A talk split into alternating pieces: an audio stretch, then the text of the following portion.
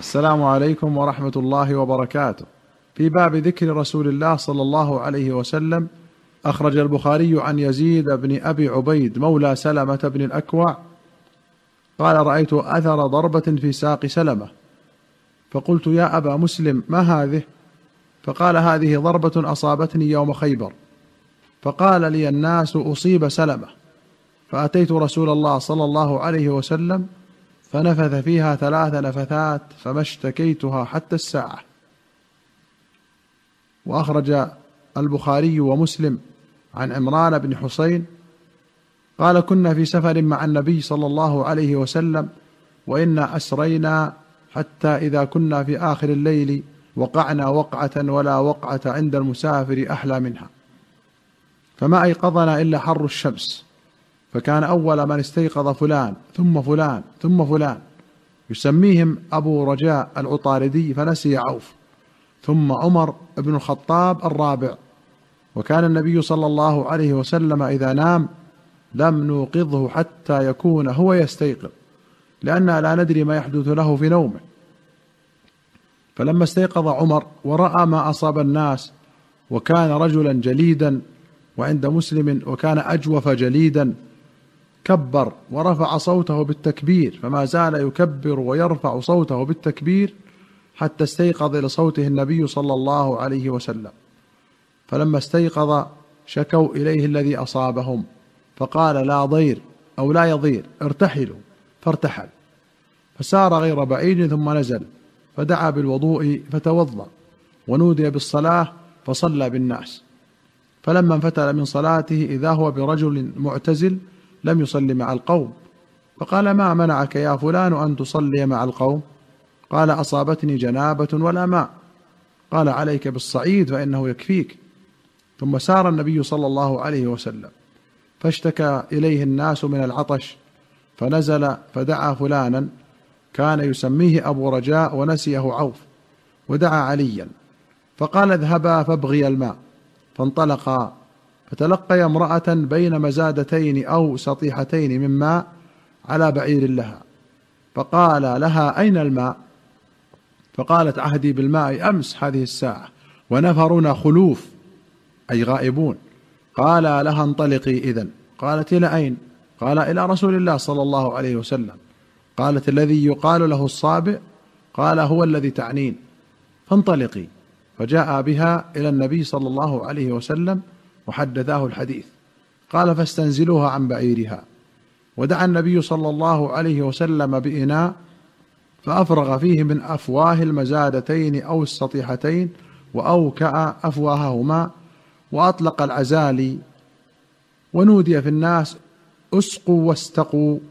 فسقى من شاء واستقى من شاء وكان آخر ذلك أن أعطى الذي أصابته الجنابة إناء من ماء. فقال اذهب فأفرغه عليك وهي قائمة تنظر إلى ما يفعل بمائها. ويم الله لقد أقلع عنها وإنه ليخيل إلينا أنها أشد ملاءة منها حين ابتدأ فيها. فقال النبي صلى الله عليه وسلم اجمعوا لها فجمعوا لها من بين عجوة ودقيقة وسويقة حتى جمعوا لها طعاما فجعلوه في ثوب وحملوه على بعيرها ووضعوا الثوب بين يديها. وقال لها تعلمين ما رزئنا من مائك شيئا أي ما نقصنا منه شيئا ولكن الله هو الذي أسقانا.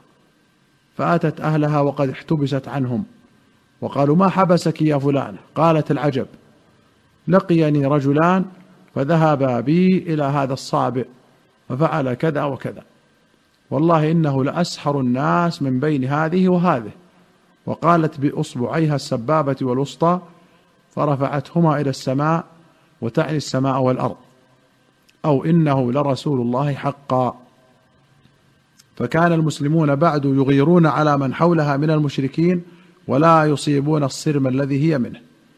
فقالت يوما لقومها ما أرى إلا أن هؤلاء القوم يدعونكم عمدا فهل لكم في الإسلام؟ فأطاعوها فدخلوا في الإسلام. وفي رواية إن أول من استيقظ أبو بكر ثم استيقظ عمر فقعد أبو بكر عند رأسه فجعل يكبر ويرفع صوته حتى استيقظ النبي صلى الله عليه وسلم وإنه عليه الصلاة والسلام قال ارتحلوا فسار بنا حتى إذا ابيضت الشمس نزل فصلى بنا الغداه قال عمران ثم عجلني في ركب بين يديه نطلب الماء وقد عطشنا عطشا شديدا فبينا نحن نسير إذا بامرأة سادله رجليها بين مزادتين. فقلنا لها أين الماء؟ قالت هيهات هيهات لا ماء لكم. فقلنا كم بين أهلك وبين الماء؟ قالت مسيرة يوم وليلة. وذكره قال فاستقبلنا بها رسول الله صلى الله عليه وسلم فسألها فأخبرته بمثل الذي أخبرتنا. وأخبرته أنها موتمة لها صبيان أيتام.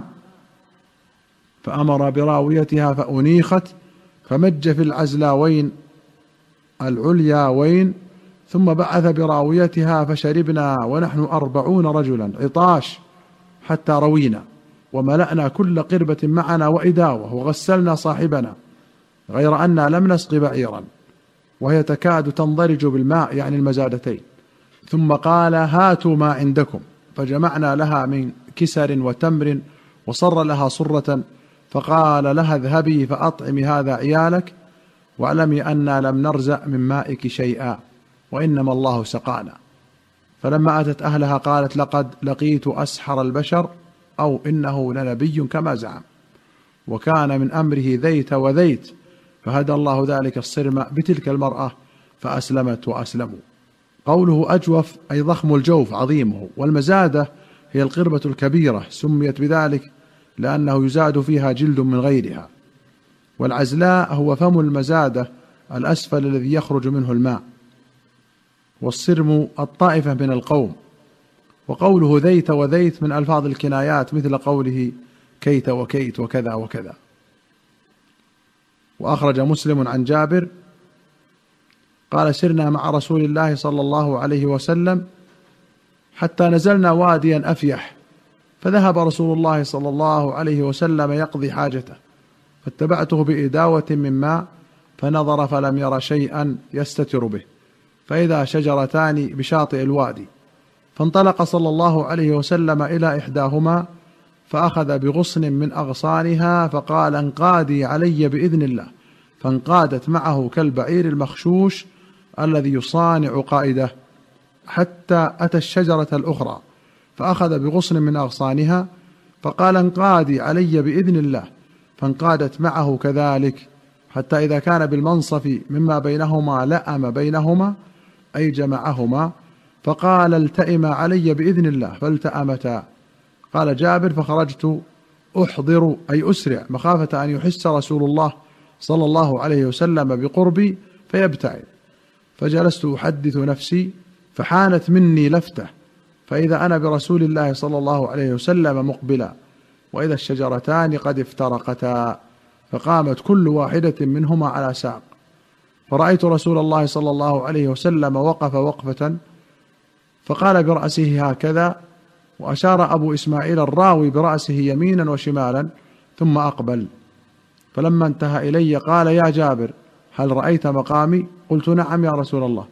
قال فانطلق إلى الشجرتين فاقطع من كل واحدة منهما غصنا فأقبل بهما. حتى إذا قمت مقامي فأرسل غصنا عن يمينك وغصنا عن يسارك.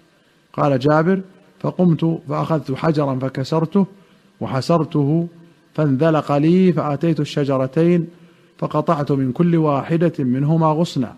ثم أقبلت أجرهما حتى قمت مقام رسول الله صلى الله عليه وسلم. أرسلت غصنا عن يميني وغصنا عن يساري ثم لحقته. فقلت قد فعلت يا رسول الله فعم ذاك. قال إني مررت بقبرين يعذبان فأحببت بشفاعتي أن يرفه عنهما ما دام الغصنان رطبين. قال فأتينا العسكر وللحديث بقية نأتي عليها في الحلقة القادمة إن شاء الله. والسلام عليكم ورحمة الله وبركاته.